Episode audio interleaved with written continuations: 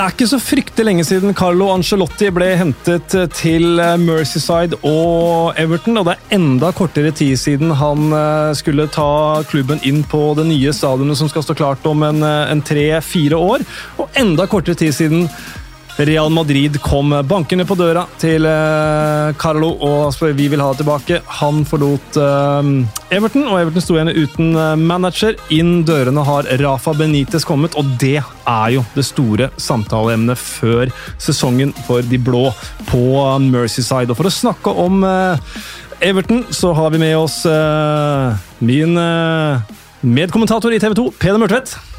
Hallo. Mads Arntzen, journalist i VG. Hei, hei. Og Paul Carroll.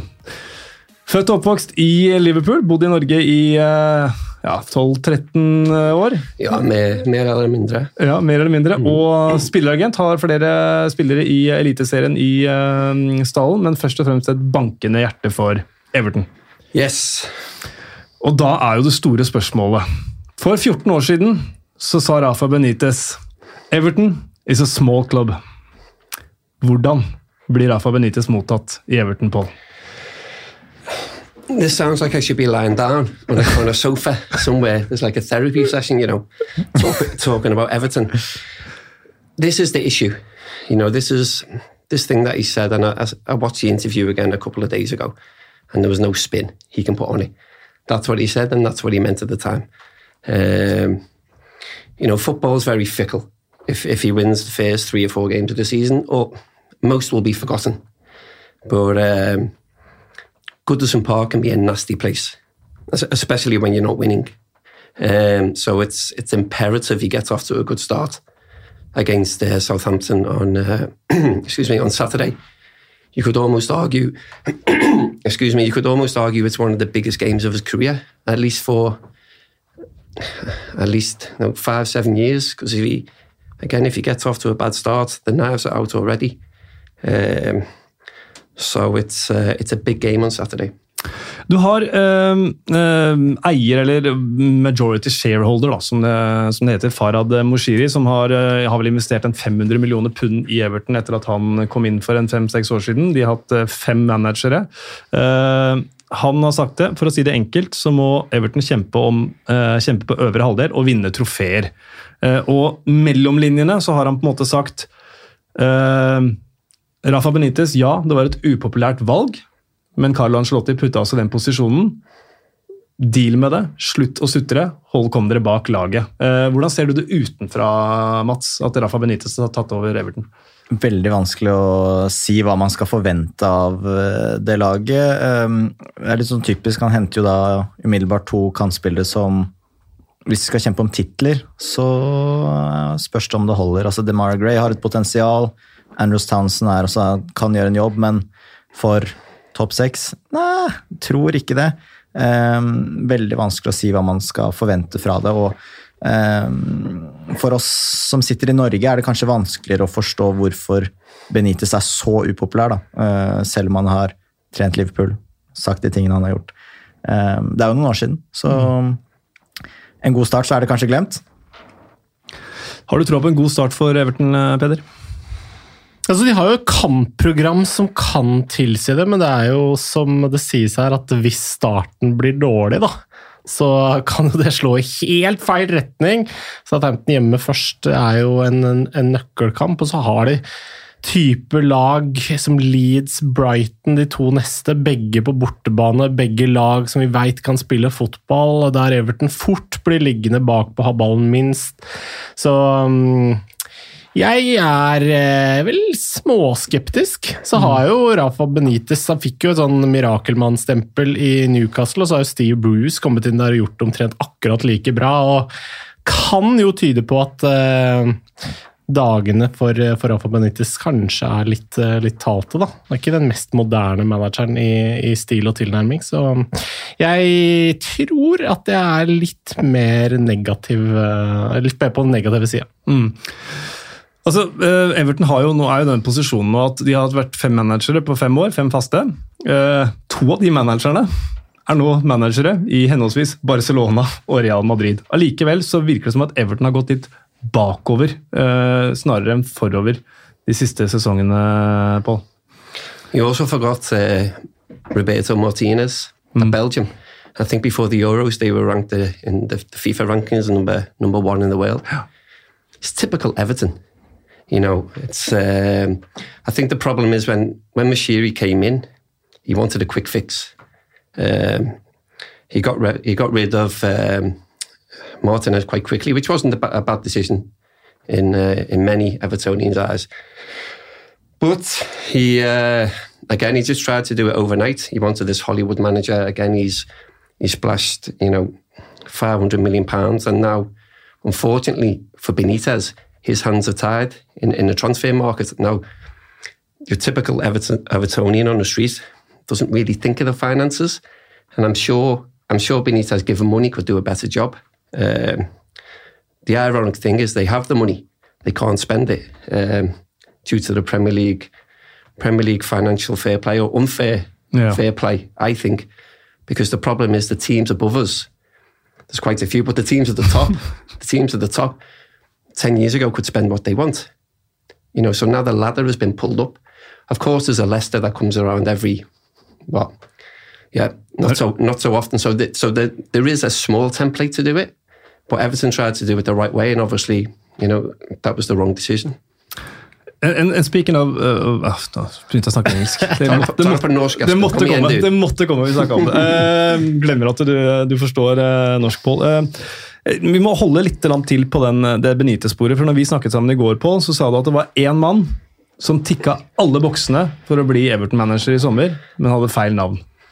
Correct. I think it's a it's a good thing that my uh, my cousin Damien back home is not lis- listening to this because I don't think he'd, he'd speak to me again. In my eyes, there's one manager that ticked every box: young, ambitious, great play, great playing career, commands respect. One issue: his name is Stephen Gerrard. You know, it would it would.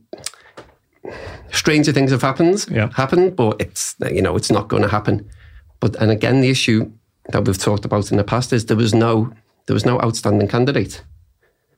Um, it wasn't like the you know ninety percent of the fan base was saying we want this guy, we want this guy. Uh, it was Nuno, then it was Benitez, then it was Nuno, and then it's basically by the end of it, a lot of Everton fans are sort of okay, just name who it is, make a decision.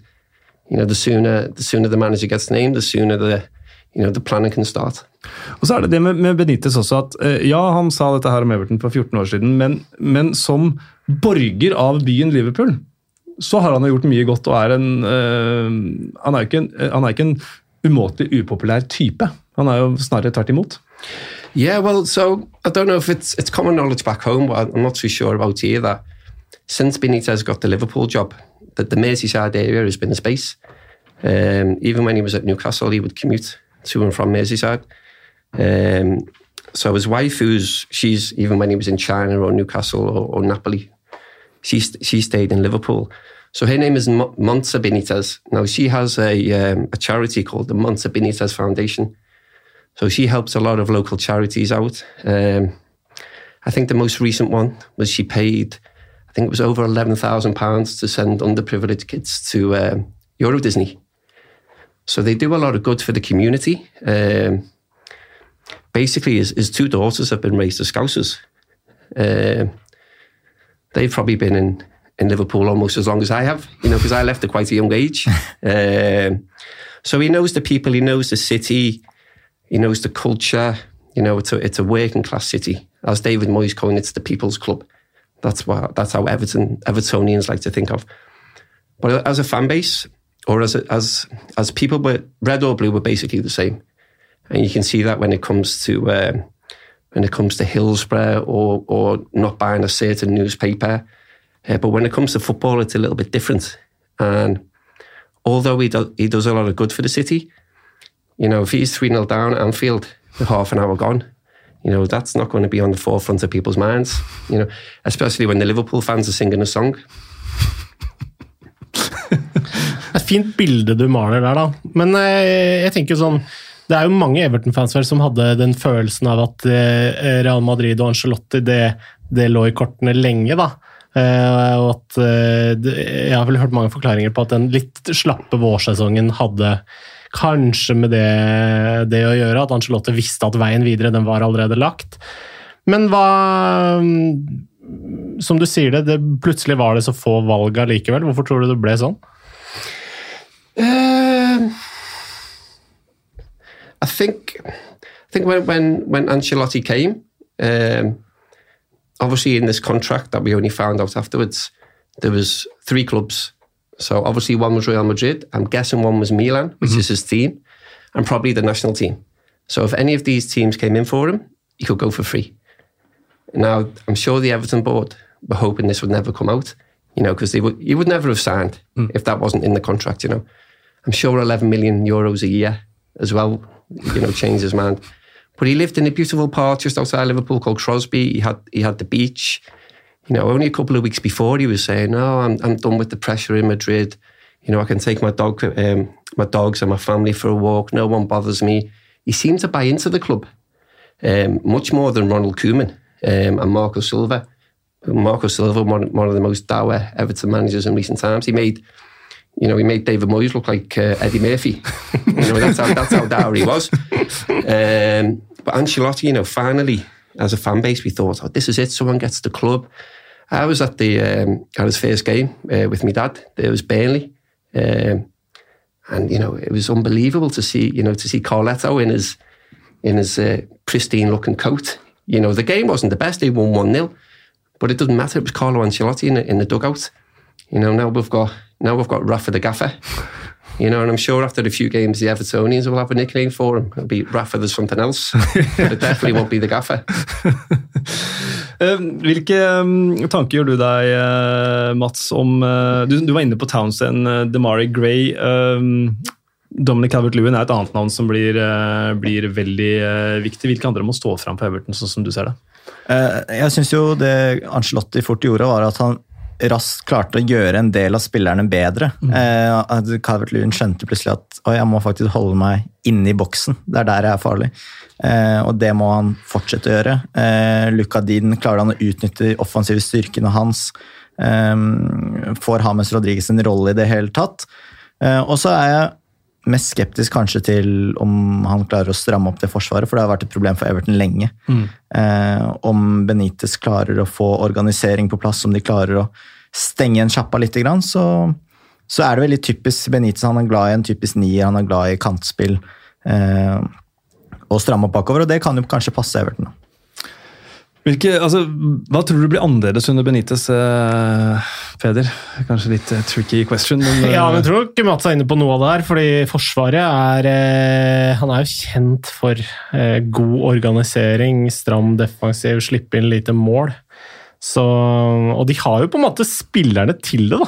Så det, det er jo litt overraskende at de har vært et lag som på en måte det, det renner litt inn eh, bakover. Michael Keane er bra. Jeg har veldig sansen for Ben Godfrey, som jeg tipper fort kan få en nøkkelrolle her, hvis eh, Benitez bestemmer seg for det. Allan eh, var jo småskada etter hvert forrige sesong, men viste jo tidlig i sesongen hvor god han kan være.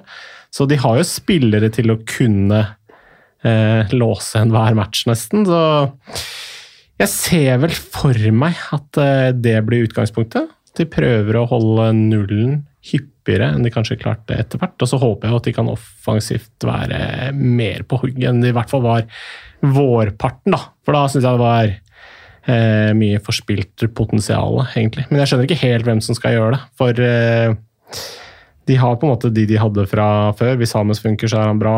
Cavett Lewin var strålende. Richard Wilson er jo alltid en, en god spiller, men de nye de har, er vel ikke det jeg ser for meg at eh, er de villeste signeringene, akkurat.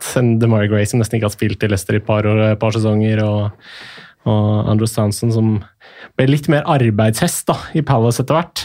Men uh, i hvert fall har ja, fått kanskje mer disiplin i spillet sitt i, i sine litt eldre dager. Men uh, samtidig ikke noe Han har jo spissferdighet og god fot og sånn, men det er jo ikke det er jo som du sa i stad, det er jo ikke topp seks-materiale nødvendigvis. Nei, også, eh, det var liksom, Man følte at Angelotti Ancelotti hadde liksom litt sine brikker også, da, som passa veldig godt inn. Sånn Allan eksempel, Han fikk inn Docoré, og så skulle det matche med Rodriguez. og sånn, Nå må de jo begynne litt på nytt. og så eh, Everton synes jeg er et av de aller vanskeligste lagene å plassere. Eh, De og Wolverhampton er vel de som skiller seg ut som hvor det er ny manager, og du er litt usikker på matchen. Eh, Og så er det som Pål er innom at Benitez kommer ikke til å få the benefit of the doubt da, hvis, hvis det går imot ham. Du sa i stad, Pål, eh, og for å forlenge det Mats sier, at hvis du begynner å gå litt mot at Goodison can be a nasty place eh, Slapp Angelotti litt billig unna der, i og med at de, de var jo forferdelige på Goodison. eh, og at det ikke var publikum, var det, var det heldig for Carl Angelotti? Yeah, he got a he got a lot of how do we say this? A lot of credit for his name. If if it wasn't Ancelotti, um, again, if it was Marco Silva or Martinez or Ronald Koeman, I don't think he would have lasted as long. And of course, there was no there was no crowd in there. But then on the flip side, they won eleven games away from home, um, and at home, as bad as they were, they got twenty two points at home. They only needed thirty one to go above Chelsea. Ja. Um, so I don't think it was just Everton who had a didn't have a good season at home. I, I think Leicester weren't the best at home either. Um, but uh, I think it yeah it would have been a lot different with a with a packed house because they had the football.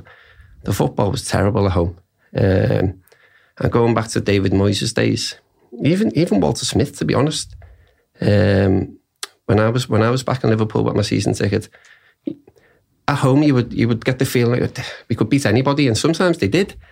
You know, you know, every now and then you see a famous Duncan Ferguson header into Manchester United, you know, or you know some type of um, you know last minute goal mouth scramble and the Gladys Street going crazy. But for yeah, I think there's several reasons why they were so bad at home, um, and not not all the blame can be put on. There was there was nobody in the stadium. Um, so hopefully, with the uh, you know with with forty thousand people baying for blood, Uh, could be the manager's blood. Who knows? Um, hopefully, the, the the I'm confident that the home form will be different this season. I don't think they're going to win eleven away games. Let's be honest. Men man skal ikke glemme at de tok rundt 60 poeng. da.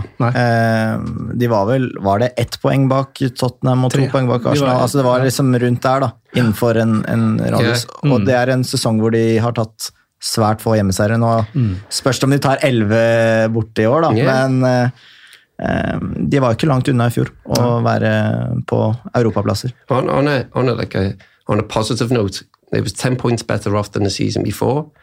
Um, I think when they finished seventh under under Koeman, I think they when they got into Europe and it was the points tally was nowhere near as high. It was the record points haul for for tenth place. It can only happen to Everton, you know. but going in, going into the last game of the season, um, Man City away, they were still in, still in for a chance for Europe. You know, no no matter no matter how small that chance was. So it depends if you're a sort of half full or half empty uh, glass guy. And you know, as Evertonians, you know, we've been beat down over the years. So I think you're hard hard pushed to find a a half full Evertonian. Eh, ja, for der kom jo det tapet mot Sheffield United for eksempel, på tampen hjemme. Ikke sant? Sånn de dere, Det her er en podkast, dere ser ikke hvordan Pål reagerer, men, eh, men det, er, det er blikket ned, og det, det oser typisk Everton av den reaksjonen der, Pål. Yeah, that's it. It's uh, you know, it's it's it's the hope that kills you. You know, there's a there's a famous uh, a famous quote that I read a few years ago, and it said, it said when I die, I want the Everton players to lower my coffin so they can let me down one last time. and the guy was the guy's a genius, you know. Um, it's like like my dad. Um, if Everton lose, he goes to bed at seven o'clock at night. He only watches match of the day if Everton win. If it's a winning draw, um, you know, he'll stay up and he, he waits till Everton come on and he, he has his room next to next to his chair. Um, so I don't know whether he wants Everton to win because it's Everton or he can have a drink. Probably a bit, probably a bit of both, to be honest. But like my dad is, I don't know what's worse from for my generation. Like I saw Everton. The last thing I saw them win was the '95 Cup final. Paul Rideout. Um, like my dad was in Rotterdam in '85 when he beat um, Rapid Vienna three-one. Arguably Everton's greatest night, playing football with the Dutch police outside the outside the stadium. And of course, you know, we saw the great the great sides of the '80s and, and Howard Kendall, and then uh, then it all went wrong, you know. And that's the this is my era. But then at least I've seen him win one trophy. Ja. You know, there's poor guys in, in Liverpool who you know, work hard all week for the season ticket to go home and away. You know, you can't get a tic- you can't get a ticket for Everton away. You can barely get a ticket at home. And these poor poor lads, um, you know, it's just like a life of misery. You know, to to to, to sum it up. Um, so it's you know, we as Evertonians we we we laugh and joke about it, but it's it's like Matt said, you know, Everton's a difficult team to place in the league. It's even a more difficult team to support. Men eh, hva tror du er grunnen til at det har blitt sånn? For Vi har jo en eh, Erik Thorstvedt som pleier å sitte i studio i Premier League og si at det er jo ingen som bruker pengene så dårlig som Everton. Altså Tatt i betraktning av de spillerne de har kjøpt, og hvor mye penger de har brukt, så burde det jo være høyere jevnt over på tabellen. Hvorfor får de det ikke til? So when when Mashiri got Koeman, he got Steve Walsh in as the as the director of football. You know, he was the guy at Leicester who found Vardy and Mares and, and a few others. So, you know, as as fans, we were sort of rubbing our hands together, thinking, oh, you know, this guy's going to find hidden gems from South America, um, you know, from all around the world, even maybe one or two from Norway. Well, actually, apparently, as the rumor goes, uh, Holland was on trial under Steve Walsh um, for a couple of days. Um, yeah, clearly Everton didn't sign him. So when he got the money, I think he spent 350 million, Steve Walsh, on about six number 10s. Ja. Um, and like I said earlier, now the with the three year cycle, you know, you can't lose 105 million pounds over the over the three years. That's what's come back to to bite Everton on the on the proverbial. Uh, og da er vi inne på overgangsmarkedet, som har vært ganske trist. Det har ikke vært noen spillere ut, egentlig. Altså, ja, Robin Olsen, Bernard, Josh King og Walcott som har blitt solgt, da, men, men ingen, ingen, eh, ingen viktige ut. Altså, hadde de Moise Keane på lån i PSG forrige sesong, og hadde kanskje håpet at de skulle få 30-40 millioner euro for han, men eh, PSG har handla på en litt annen hylle eh, i sommer enn eh, enn Moise Keane. Har det også vært et problem i sommer, at man ikke har fått solgt Moise Keane når man trodde at man skulle få solgt han?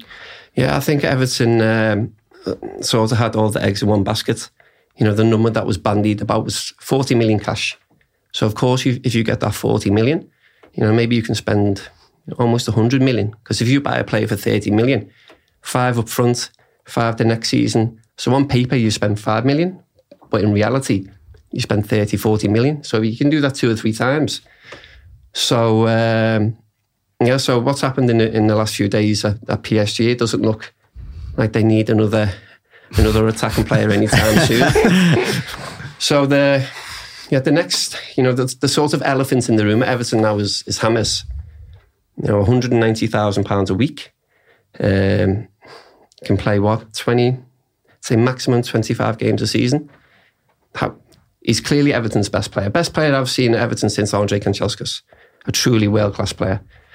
But on the flip side, can you base a team around the player who can't play, let's say, more than three games a season? So if he get his wages off the bill, then it opens up a little bit more. And, and let's be honest, he may not even heard of Everton before Ancelotti came. You know, he, he just came to Everton for, you know, for his father figure, his European father figure, so to say. Same with same with Alan. Um, so saleable assets, Moise Keane, but then you've got Awobi on big wages. Bernard they managed to get rid of. You've got Gomez on, on decent wages. Um, and it's all well and good saying, oh, let's get rid of A, B, C, D. But if no one wants to buy A, B, C, D because they're on crazy wages, then, you know, the players are just going to sit and pick up the paycheck every month. Og det er akkurat det også, mm, De som har Ancelotti-spillere, hvor godt passer de inn, under Benitez? Så Én ting er jo det fysiske til Hammes, men hvor motivert er han nå? Han reiste vel til Sør-Amerika litt, Litt eh, litt tidlig. da. Eh, Everton ville vel egentlig at han skulle være der for sesonginnspurten, og likevel eh, så dro han. og så er spørsmålet de de har henta inn, altså Andrews Townsend, man vet hva man får. altså Det er et visst antall innlegg og kanskje en eller annen årets målkandidat én gang i løpet av året. Den kommer kanskje.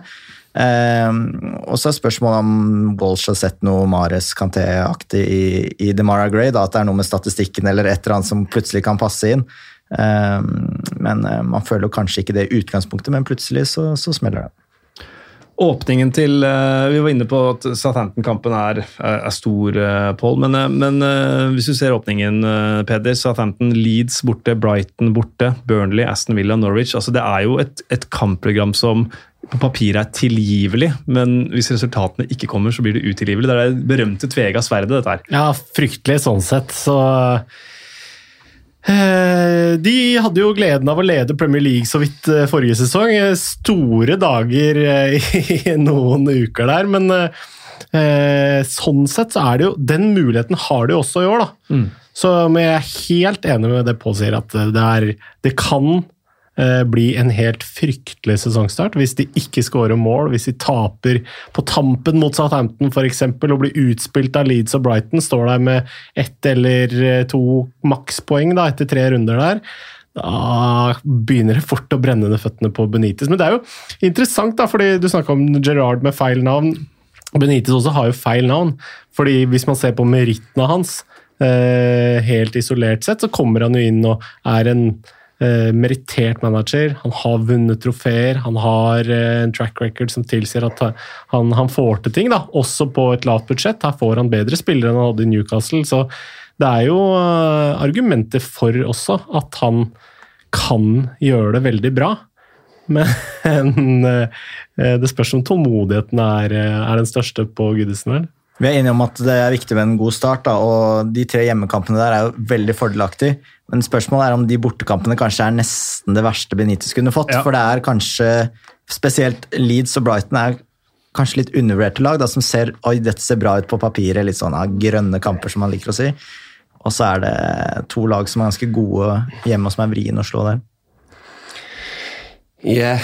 Uh, yeah. Again, on paper, it's not it's not a bad start.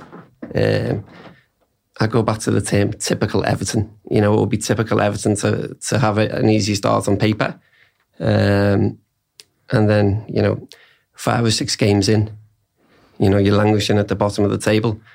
But there's been, I, I've got a quick question for you boys. So there's been one Everton manager uh, one manager who's managed both both uh, both sides. William Barkley, 1892. He managed Everton for 22 games. okay, so my question is to the three of you, and it's a yes or no question. Do you think Rafa Benitez will get past 22 games as the Everton manager? I'll start with you, Espen. Ja. Ja, Inkluderer det ligacup, eller? Nei, jeg sier ja, jeg også. Ja, Da sier jeg nei. Ja, selvfølgelig. Yeah, I think it's. Um, I wouldn't be surprised if he's gone by Christmas. It's it can't end well. You know, I've I've seen this before, and you know, to come to the press conference with a with a blue tie and a and a blue shirt holding the Everton scarf up, it's going to take more than that. Um, if I'm perfectly honest. Men jeg er litt interessert i, i den Brighton-matchen også, da.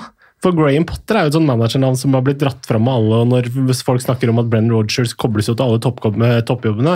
Så Graham Potter, sånn som jeg ser det, er jo den neste Brenn Rogers. altså Den som har bevist litt på samme måte som han har gjort i, Swansea. Hvorfor var det ingen av, hvorfor tok ikke Everton, Tottenham Hvorfor tok ingen av de den sjansen denne sommeren?